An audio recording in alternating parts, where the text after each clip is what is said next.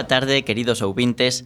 Un martes máis, ás 5 da tarde, atopámonos con Bosco para lanzar o aire unha emisión máis de A Fume de Carozo, o programa de radio promovido polo equipo de dinamización da lingua galega do Colexio Calasanz da Coruña e que leva emitíndose dende o 5 de maio de 2009. Esta é a emisión número 213 da nosa prolongada historia. Os alumnos do noso centro teñen neste programa un voceiro perfecto para expresar as súas inquedanzas en galego a través dos máis variados temas. Pero hoxe por fin terá lugar algo polo que algunhas persoas levábamos moito tempo loitando.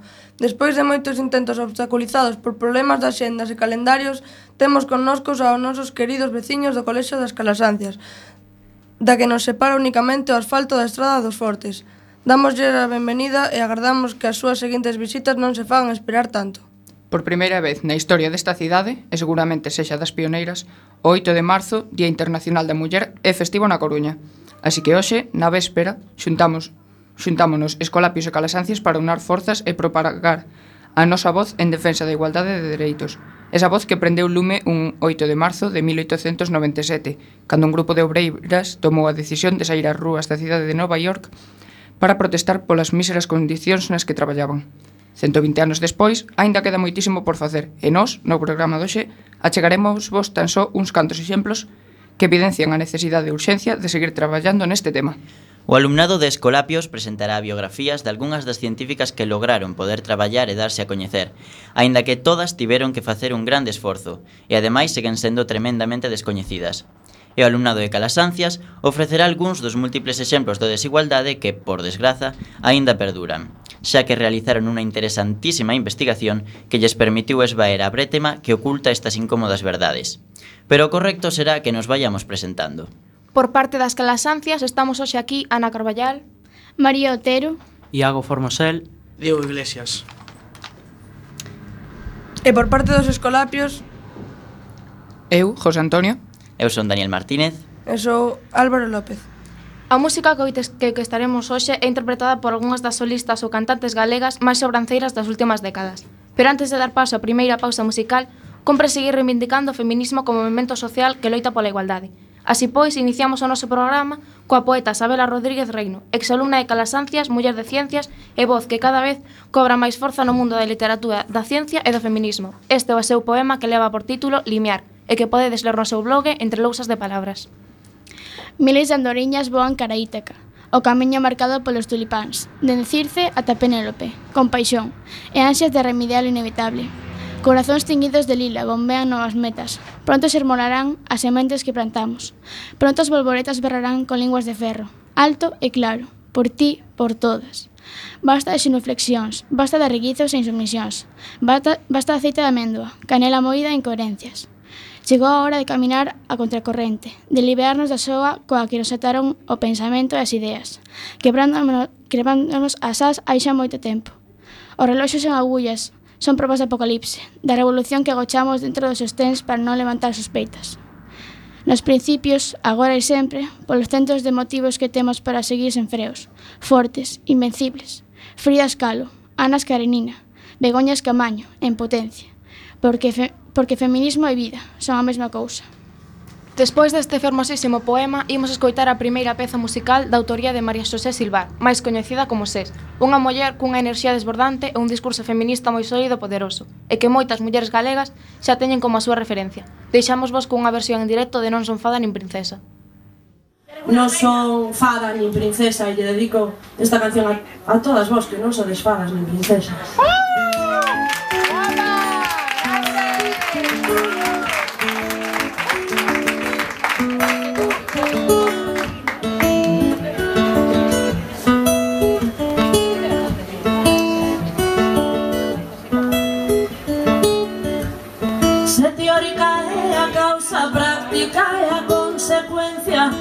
teórica é a causa, práctica é a consecuencia Non quero asumir ausencias, nin chorar para partir Non quero asumir ausencias, nin chorar para partir. Comer e deixar que comas, vivir e deixar que vivas. Comer e deixar que comas, vivir e deixar que vivas. Loitar se a loita é precisa, e rise preciso rir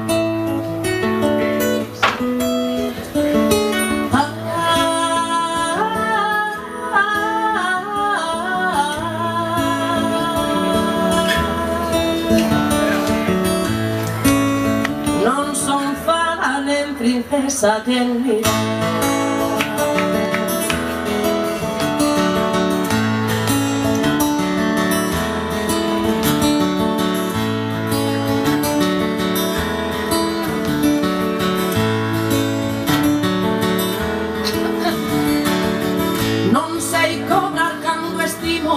D'entonces non quero dar, non sei cobra cando estimo D'entonces non quero dar, quero falar e falar. Sen dar nada por ouvido Quero falar e falar. Sen dar nada por ouvido Camiñar cos pés no chan. Negar deuses asasinos Camiñar cos pés no chan. Negar deuses asasinos Non crer sen ver dubidar Confía son nos sentidos, non crer sen ver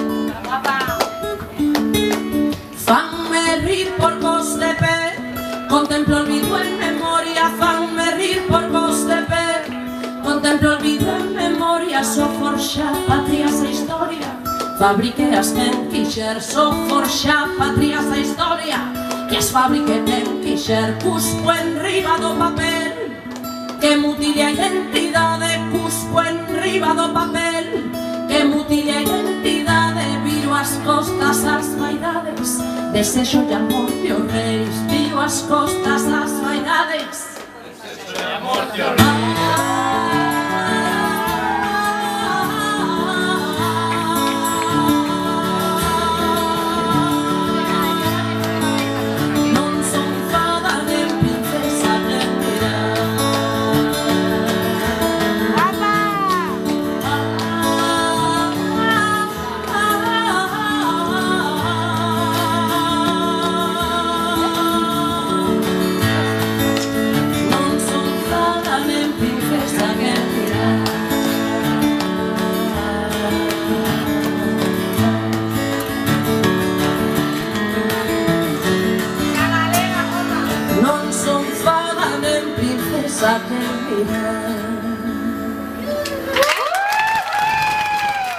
Neste primeiro bloque de biografías de científicas imos falar de Marie Curie. O exemplo que todos coñecemos é que algúns utilizan para xustificar que as mulleres non están discriminadas na ciencia. É a Hipatia de Alexandría, cuxa vida glosou a película Ágora, de Alejandro Amenábar. A vida de Marie Curie foi pura loita. Tivo que superar infinitos obstáculos para dedicarse á ciencia, dado que no seu país, Polonia, as mulleres non podían ir á universidade. Pasou fame e frío e arriscou a súa saúde con tal de non renunciar á súa paixón investigadora. E podendo facerse rica cos seus descubrimentos, negouse a patentar o proceso de illamento do radio deixando a disposición da comunidade científica. Con todo, pode dicirse que cumpriu o seu soño. Foi a primeira muller que chegou a catedrática na Universidade de París e a primeira en gañar o Nobel, compartido co seu marido Pierre Curie polas súas investigacións sobre os elementos radioactivos. O seu nome de familia era Marie Sklodowska. Naceu en Varsovia, filla dun profesor de física e unha mestra, que morreu cando ela tiña 11 anos. Desde nena foi unha alumna brillante, cunha excepcional capacidade de concentración. E, aos 24 anos, marchou a París a desenvolver unha carreira científica, onde sobreviviu cos aforros de traballar como institutriz en Varsovia, a escasa axuda que lle enviaba o seu pai e o apoio da súa irmá maior, Bronia, que vivía na capital francesa. En 1893 acabou física na, Sor na Sorbona co número 1 da súa promoción e un ano despois coñeceu a Pierre Curie, outro científico vocacional co que casou en 1895. Pasaron a súa lúa de mel percorrendo Francia en bicicleta. Os Curie instaláronse nun apartamento da Rue de Glacier, onde viviron austeramente dedicados de cheo ao seu traballo. Tiveron dúas fillas, Irene e Yves, cuxo cuidado tivo que compaxinar Marie co laboratorio. Niso tamén foi pioneira. Como investigadora, estaba interesada nos novos tipos de radiación descubertos por Röntgen e Becquerel. Utilizando as técnicas piezoeléctricas inventadas polo seu marido, Marie mediou nas radiacións eh, perdón, mediu as radiacións de uranio na Pechblenda, vaya palabriñas me poñen hoxe, un mineral rico no de bandito elemento, Cando viu que as radiacións do mineral eran máis intensas que as do propio uranio, deuse conta de que tiña que haber elementos descoñecidos aínda máis radioactivos, termo que ela inventou. Pierre, que seguía con paixón o progreso dos experimentos da súa muller, abandonou o seu propio traballo sobre magnetismo para axudala. En 1898, o matrimonio anunciou o achado de dous novos elementos, o polonio e o radio, aínda que aínda aínda que aínda tiveron que pasar 4 anos traballando en condicións precarias para demostrar a súa existencia. Finalmente, a base de tratar unha tonelada de pechblenda, lograron illar unha fracción dun gramo de radio e en 1903 compartiron con Becquerel o Nobel de Física, con cuxas ganancias instalaron un baño novo na súa casa. Pronto chegaron a fama e os recoñecementos. En 1904, Pierre Curie foi nomeado catedrático de Física na Universidade de París e, En 1905, membro da Academia Francesa, cargos nunca ocupados por mulleres, polo cal Marie non obtivo o mesmo trato a pesar de que o principal mérito dos logros comuns era o seu. Ainda así, as cousas foronlles ben ata que en 1906 Pierre morreu atropelado por un coche de cabalos. Marie continuou co seu traballo e herdou a cátedra na Sorbona que ocupara o seu marido, a cal compaxinou coas súas investigacións sobre o radio e os seus compostos, que lle levaron a gañar o Nobel de Química en 1911.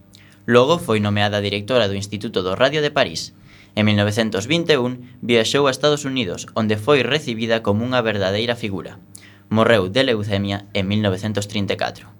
Hipatia era matemática, filósofa, astrónoma, escritora e inventora. Naceu en Alexandría, capital de diócese romana de Xipto, a mediados do século IV, en 370, según, segundo algunhas referencias en 355 ao dicir outras. Pero dado que o seu discípulo Sinesio de Cirene naceu alrededor do 375, esta última fecha parece a máis correcta. O seu pai foi Teón de Alexandría, un célebre matemático e astrónomo, moi apreciado polos seus contemporáneos, que probablemente debeu traballar e dar clases na Biblioteca do Serapeo, sucesora da lendaria Gran Biblioteca Tolemaica. Hipatia, pola súa parte, educouse nun ambiente académico e culto, dominado pola escola neoplatónica, alexandrina, e aprendeu matemáticas e astronomías do seu pai, quen ademais lle transmitiu a súa paixón pola busca do descoñecido. Hipatia é a primeira muller matemática da que se ten coñecemento razonablemente seguro e detallado. Escribiu sobre xeometría, álxebra e astronomía, mellorou O deseño dos primitivos astrolabios, que son instrumentos para determinar as posicións das estrelas sobre a bóveda celeste, e inventou un densímetro. Por iso está considerada como unha pioneira na, histo na historia das mulleres e a tecnoloxía. Morreu asesinada aos 45 ao, ou 60 anos linchada por unha turba dunha secta cristiá. O asasinato produciuse no, no marco da hostilidade cristiá contra o declinante paganismo e as loitas políticas entre as distintas faccións da Iglesia. O patriarcado alexandrino e o poder imperial representado en Exito polo perfecto Orestes, exalumno da filósofa. Ningunha das súas obras se conservou, pero coñécese gracias aos seus discípulos, como Sinesio de Cirene ou Esiquio de Alexandría, o hebreo. Unha das mellores voces da música galega actual é Guadi Galego, a cedeiresa que cantaba e tocaba a gaita no añorado grupo Berrogueto. Pero ademais diso, saca discos en solitario. Precisamente, hoxe pola tarde no Teatro Rosalía presenta o seu novo traballo titulado O mundo está parado. Perimos escoitar unha das cancións máis destacadas do seu disco anterior, concretamente a titulada Matriarcas.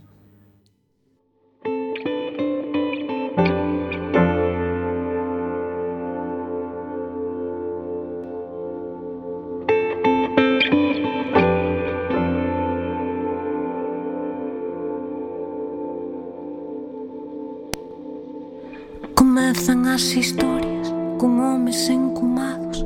Rematan sempre todas con mulleres que os salvaron. Da morte do intelecto, de insectos que os picaron De turbias lendas bellas que non queren, nen lembran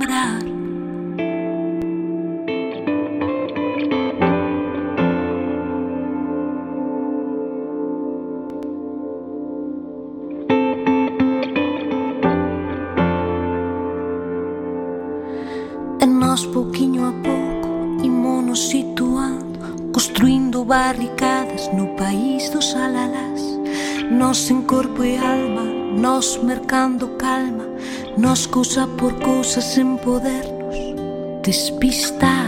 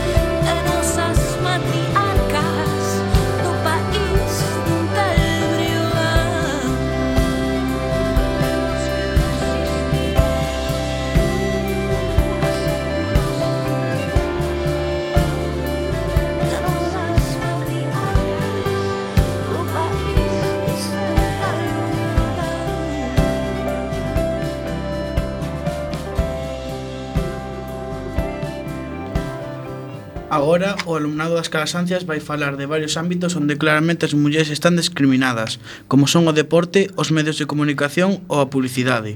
Que é ser unha muller? Que significa ser muller? Que é ser un home? Que significa ser home? Xeralmente, asignamos actitudes e prácticas diferentes a un e outro sexo, e se ben é certo que hai prácticas que históricamente foron máis femeninas que masculinas ou viceversa, tamén é certo que en moitos aspectos da vida responderon ao que socialmente era ou non admitido. Un exemplo moi claro encontrámoslo na historia do acceso á educación para as mulleres. Para que tiñan que aprender a ler ou escribir se o seu fin na vida era o cuidado do marido, fillos e fogar? Por que asignamos características diferentes segundo se trate dunha muller ou dun home? A pesar de seren sentimentos ou prácticas que poden estar presentes en calqueira persoa? Son unha persoa romántica. Son unha persoa romántica. Encántame as películas de amor. Encántame as películas de amor. Dánseme moi ben os labores da casa. Dánseme moi ben os labores da casa. Gustaríame formar unha familia. Gustaríame formar unha familia. Encántame as películas de acción. Encántame as películas de acción. Non teño moita forza física. Non teño moita forza física. O que máis me gusta é bailar. O que máis me gusta é bailar. Considérome moi valente. Considérome moi valente. Son moi sentimental. Son moi sentimental. Son independente. Son independente. Gústame escribir poesía. Gústame escribir poesía. Dáseme moi ben a informática. Dáseme moi ben a informática. Estes sentimentos ou habilidades, gustos ou afeccións son exclusivos dun sexo? Quen é o que se encarga de facer que sexan exclusivos dun só xénero? Nos fixémonos estas preguntas, traballamos sobre estes estereotipos e chegamos á seguinte conclusión. Precisam, precisamos dunha igualdade de oportunidades que nos permita ter a plena liberdade para que todo home e toda muller poida realizar o seu desexo máis alá dos estereotipos. Pensada na muller no mundo do deporte. As deportistas non só superan as súas metas, senón que teñen que superar todas as barreiras coas que se atopan. Unha delas é a súa propia invisibilización. Pensade un durante un minutiño cantos nomes de deportistas, homes e mulleres coñecedes. Nos fixémolo nunha dos, das nosas sesións para preparar este programa e o resultado era evidente e triste. Collede calquera xornal, ou se hoxe vedes algún informativo na televisión, observade cantas deportistas se fala ou se se fala de algo máis que de fútbol.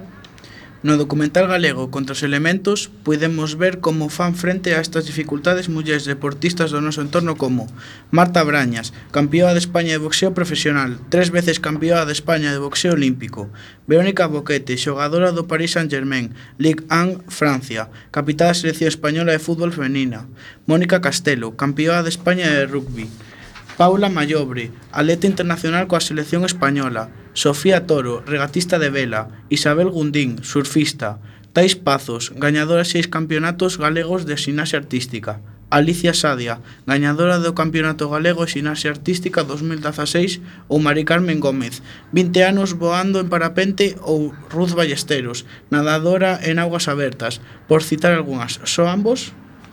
Esa que botades unha ollada aos medios de comunicación fixadevos de que xeito aparece a muller como obxecto ou muller floreiro. Este foi un dos temas traballados nunha nova sesión na que partimos do programa de Jordi Évole Salvados, onde o tema principal era a desigualdade de xénero. Juana Galego, a directora do Observatorio da Igualdade, explicou a diferenza de xénero que se ve na televisión segundo os estereotipos que existen na sociedade actual. Vimos como en moitos programas, concursos ou incluso informativos se xiva a muller como obxecto decorativo e xa non digamos no mundo da publicidade. Botado unha ollada de veredes. Todo isto fíxenos pensar e reflexionar de que xeito temos tan enraizados os roles sexuales na nosa cultura e cando contemplamos e criticamos outras non somos capaces de mirar cara nosa. Fixadeos, pois, na opinión maioritaria de Occidente, de Occidente contra o uso do velo, que usan as mulleres noutras culturas por considerarlo sexista e nós preguntamos, preguntámonos e preguntámosvos que mulleres son máis escravas da súa propia cultura estética? As musulmanas ou as occidentais? Cantas mulleres están obrigadas a usar zapatos de tacón no seu uniforme de traballo ou sen ser uniforme de traballo? Aí vos queda a pregunta. Mentres damos paso a outro tema musical no que se di. Hai mulleres que lamen as latas como gatas. Se non che chega a este mundo, faite astronauta. Hai mulleres valentes que ensinan os dentes. Hai mulleres que se pintan de caolín na costa de Marfil. Hai mulleres altas, redondas, coloradas. Se non che chega a este mundo, feite astronauta. O magnífico grupo Marful, tristemente desaparecido, estaba comandado pola imponente voz de Uxía Pedreira, e esa canción da que xa escoitaste unha parte da súa intelixente letra titúlase Tristras. Tristras.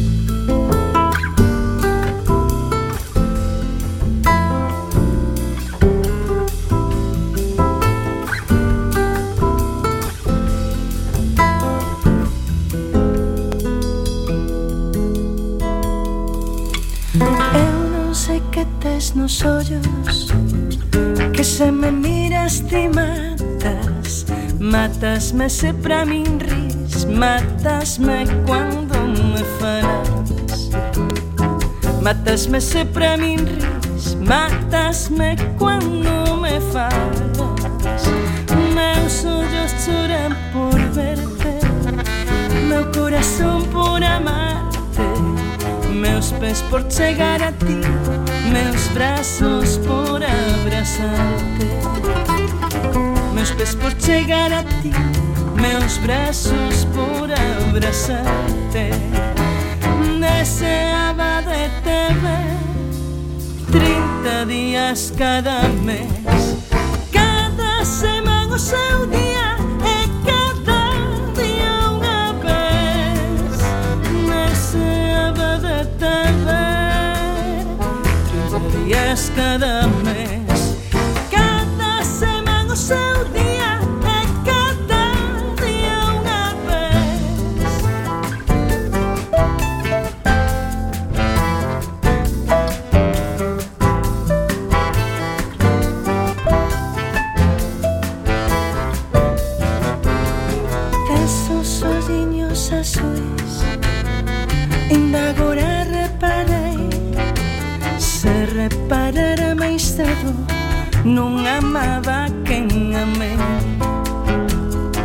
Se reparara máis cedo Non amaba quen amei Ai de min que xa non podo Cantar esta cantiquiña Din que o amor é tan cego Que non sabe de malicia.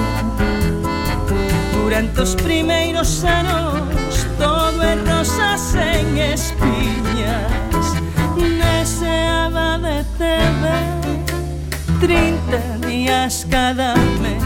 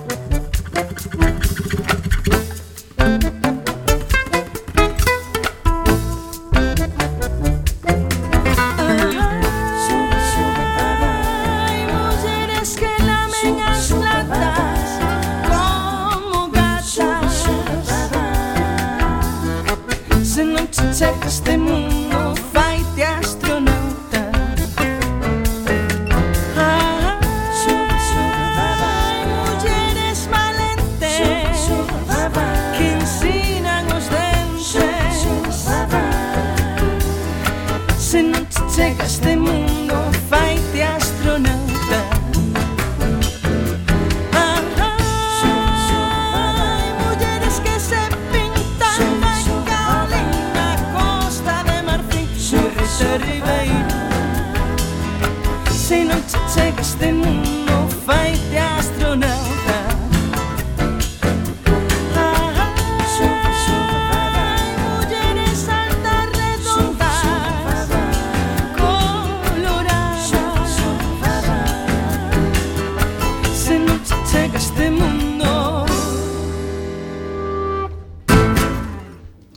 o segundo bloque de biografías de científicas vai estar protagonizado por María Bonenburger, unha eminente matemática coruñesa que morreu hai varios anos e que tivo que deixar a súa carreira para coidar a súa enferma nai.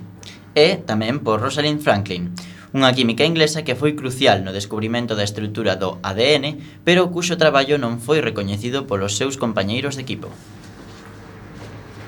María Josefa Wonenburger Planels naceu en Oleiros en 1927 e morreu na Coruña en, en 2014. Foi unha matemática galega, investigadora nos Estados Unidos e Canadá. Realizou os seus primeiros estudos na Coruña, no Instituto Eusebio da Garda. Afeccionouse tanto ao xockey, a patins ou a baloncesto como a música de Bach, ademais de estudiar inglés ou alemán. Malia vontade familiar de que estudase enxeñería, licenciouse e doutorouse cunha tese en matemáticas na Universidade Central de Madrid. Formou parte dos beneficiarios das primeiras bolsas Fulbright, o que lle permitiu ir á Universidade de Yale, nos Estados Unidos. A súa tese de doutoramento sobre teoría de grupos foi dirixida polo alxebrista Nathan Jacobson e rematouna en 1957. De volta en España, traballou como investigadora no CSIC durante tres año, anos. En 1960 regresa ao estranxeiro, concretamente a Ontario, Canadá, Alí dirixiulle a tese de doutoramento a Robert Moody, que logo traballou sobre o infinito no que se coñeceu como álxebre de Cac Moody e que tivo a Wannenburger como inspiradora. En 1966 trasladouse á Universidade de Buffalo, Estados Unidos, e o ano seguinte conseguiu unha praza definitiva como profesora na Universidade de Indiana, onde permaneceu ata 1983. Por enfermidade da súa nai, regresou a Coruña nese ano, onde permaneceu case sen ningunha relación co mundo académico. Nalgúnas entrevistas recoñecía sen rubor que non lle importou tomar esa decisión, porque cuidar a súa nai era o máis importante. O Concello da Coruña adicoulle en outubro de, de 2014, ano da súa morte, unha rúa no polígono da Grela. En xuño de 2015 inaugurouse un monumento no Parque de Santa Margarida no seu honor. Rosalind Franklin naceu en Notting Hill, Londres, o 25 de xullo no ano 1920 e foi unha importante biofísica e cristalógrafa inglesa creadora de imprescindibles contribucións ao entendemento da estructura do ADN, o carbón, os virus e o grafito. Foi graduada da Universidade de Cambridge no ano 1941 levou a cabo análises fundamentais de microestructuras do carbón e do grafite. E isto foi clave para o seu doutoramento en química física, que conseguiu no ano 1945 na Universidade de Cambridge. Tras Cambridge, estivo tres anos, dende 1947 ata 1950, en París, no Laboratoire de Services Chimiques de l'État, onde realizou estudos sobre a aplicación de técnicas de difracción de rayos X ás sustancias amorfas. Chegado o ano 1951, volveu a Inglaterra para traballar como investigadora vinculada no laboratorio de John Randall no King's College de Londres, Rosalind Franklin, dunha personalidade moi particular, relacionouse con Maurice Wilkins, quen revelou sen o seu permiso as súas fotos de difracción de rayos X do ADN a James Watson e Francis Crick, que no ano 1953 publicaronas ao seu nome. Rosalind Franklin morreu a moi, a moi curta idade de cancro de ovario en 1958 na cidade de Londres. O máis seguro é que esta enfermidade se lle presentaran polas reiteradas exposicións á radiación que tivo mentre realizaban as súas investigacións.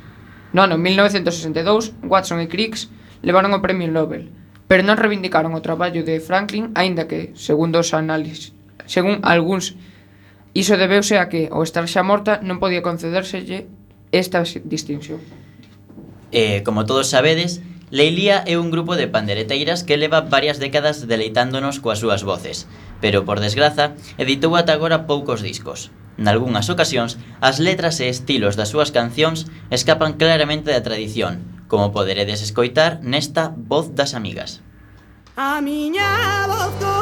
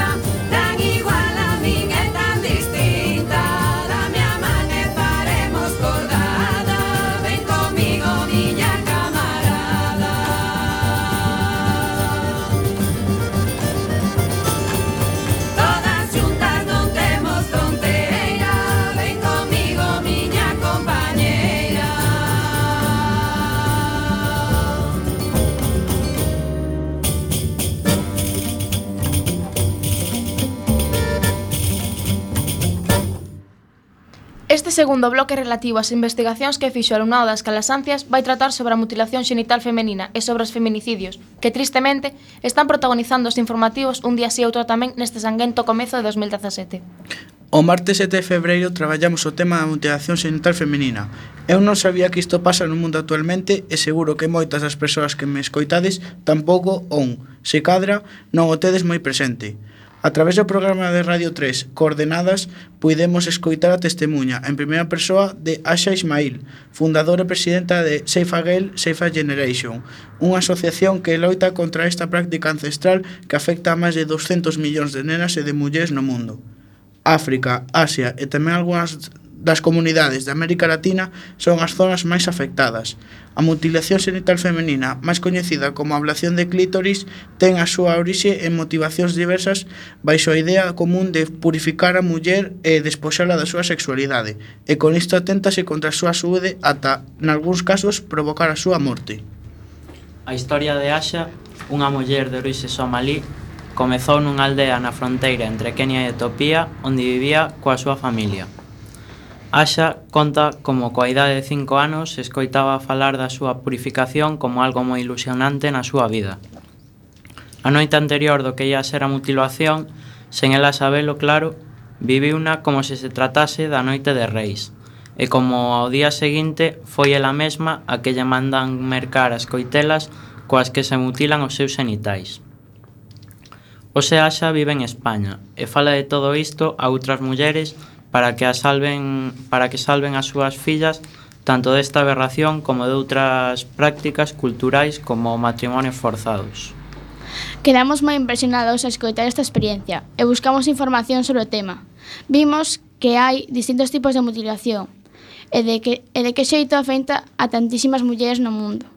200 millóns de mulleres e nenas citaba antes o meu compañeiro Diego. 200 millóns. Tamén deu moito que pensar cando o puxemos en relación coa nosa cultura, na que, salvando as distancias e sen ate atentar dun xeito tan agresivo contra a saúde e a sexualidade das mulleres, non deixa de ser unha práctica cultural que nos marca onde que nacemos. Acaso perforar as orellas das nenas ao nacer non é a primeira maneira de marcar o xénero? E dende a nosa experiencia tamén podemos comprobar que é unha práctica que xa non se realiza todo o mundo como antes pero segue formando parte da nosa cultura, que amosa unha nova incoherencia. Desgraciadamente, quédanos moito por falar. Existen outros ámbitos e eidos onde segan a existir desigualdades. Nas tarefas do fogar, na política, no mundo da música, no mundo do emprego en xeral, pero hai un tema no que nos sentimos obrigados, senón a falar, polo menos si a citar, o feminicidio. Sobre todo, Cando deixamos atrás un tráxico mes de febreiro e 20 mulleres asesinadas en mans das súas parellas no que, no, das súas parellas no que vai de 2017, a peor cifra de violencia machista dende 2009. Definitivamente, isto non pode quedar nun 8 de marzo. Debe ser a loita diaria pola reivindicación dunhas medidas eficaces e por unha revolución dunha cultura coherente. Outra muller cunha mensaxe feminista inequívoca é Mercedes Peón, que está a piques de sacar o seu novo disco, pero agora imos escoitar Elas, a primeira canción do disco anterior titulado SOS, e que foi un grande éxito en toda Europa.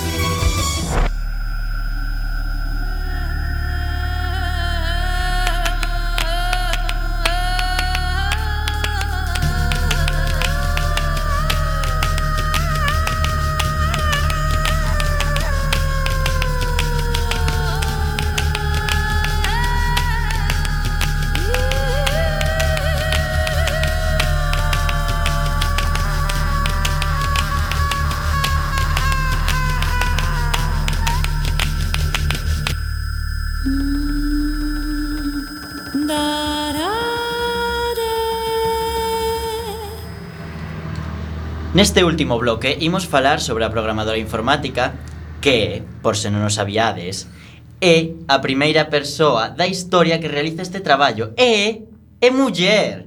É dato moi relevante. E tamén imos falar dunha bioquímica española que aínda segue traballando a día de hoxe. Ada Byron Lovelace nasceu O 10 de decembro de 1815 en Londres, Reino Unido. Súa nai foi Anne Isabella Noel Byron, poeta e matemática, e o seu pai foi o poeta Lord Byron. Ada foi a creadora do primeiro algoritmo informático e a primeira persoa en describir unha linguaxe de programación. Ada naceu a finais dos a finais de 1815 e a comezos do ano seguinte a súa nai, cansada do seu marido, escapou coa súa filla mentres Byron dormía. Viviran como matrimonio só un ano. Anabela instalouse con, Eid, con Ada nunha casa que tiña seus que tiñan seus pais en Siham, Durham. Ao cabo dun mes, todo o país xa rumoreaba sobre o fracaso do seu matrimonio. Lord Byron viviu oito anos máis dende que fuxiu do seu país, o cal non volveu. Escribía con frecuencia a Augusta e preguntáballe continuamente pola súa filla. O ano que cumpría 18 anos, Ada empezou a asistir ás festas da alta sociedade londinense. Nun dos seus primeiros eventos coñeceu a Charles Babbage, a única persoa que compartiría a súa fascinación polas cuestións de mecánica. Como legado informático, suxeriu o uso de tarxetas perforadas como método de entrada de información e instruccións á máquina analítica. Ademais, introduciu unha notación para escribir programas para as máquinas. Ada morreu en 1852, e a idade de 36 anos de idade en eh, Mary Le Bon, Reino Unido. Margarita Salas Falgueras naceu en Canero, Asturias, o 30 de novembro de 1938. É unha bioquímica española. Licenciada en Ciencias Químicas pola Universidade Complutense de Madrid, foi discípula de Severo Ochoa, con quen traballou nos Estados Unidos. Casada co tamén científico Eladio Viñuela, ambos se encargaron de impulsar a investigación española no campo da bioquímica e da bioloxía molecular. Na actualidade é profesora vinculada ad honorem do Consello Superior de Investigacións Científicas, o CSIC, e desenvolve o seu traballo no Centro de Bioloxía Molecular Severo Ochoa de Madrid, CSIC UAM. Despois da súa graduación en Ciencias Químicas, Margarita Salgas Ingresou no laboratorio de Alberto Sols, pioneiro de bioquímica en España, e baixo a súa dirección realizou a súa tese doutoral. En maio de 2007 foi nomeada membro da Academia Nacional de Ciencias de Estados Unidos, converténdose así na primeira muller española que entra a formar parte da institución. Seguimos agora cunha nova pausa musical, neste caso é o turno de Muller de Fuxa nos Ventos. Ai meu geiteirín, inda me acorda cando baixabas polo monte abaixo e viñas ti dicindo Bota carne no pote, María niña, bota carne no pote, Mariana Un molete enteiro en ser velletado, unha bota de viño chupaime Muller fartura de loitar Că ce-ai de tine mugere Se tiești cum o terranosa Iată racumatie. Iată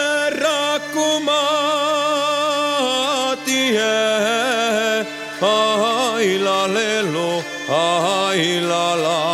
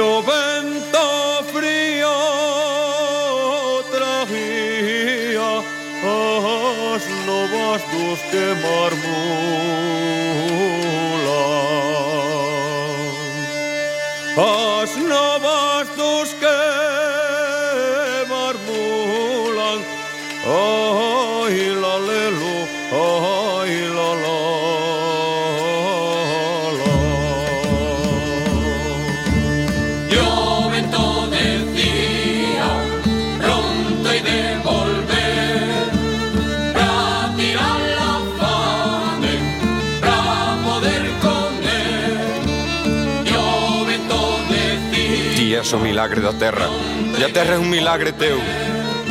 Mistura de mel e cerna De fera e de anxo do céu Pariches de pé ao fillo Como fan no monte as bestas. E hoxe que volto vencido Para que eu venza ti te deitas. Cheo voltar Que chei decir? É unha mágoa, pero chegou a hora de rematar o programa de hoxe.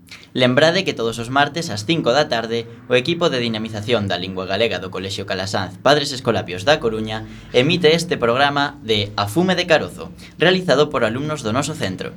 Pero lembrade tamén que hoxe tivemos como convidados os nosos queridos veciños do Colexio das Calasancias. Este programa foi presentado por... María Otero de Calasancias, Ana Carballal de Calasancias, Deo Iglesias tamén de Calasancias, Daniel Martínez de Escolapios, Álvaro López de Escolapios, José Antonio Varela, de Escolapios. Iago Formosel, de Calasancias. Afu. Afu, Afu de Calasancias.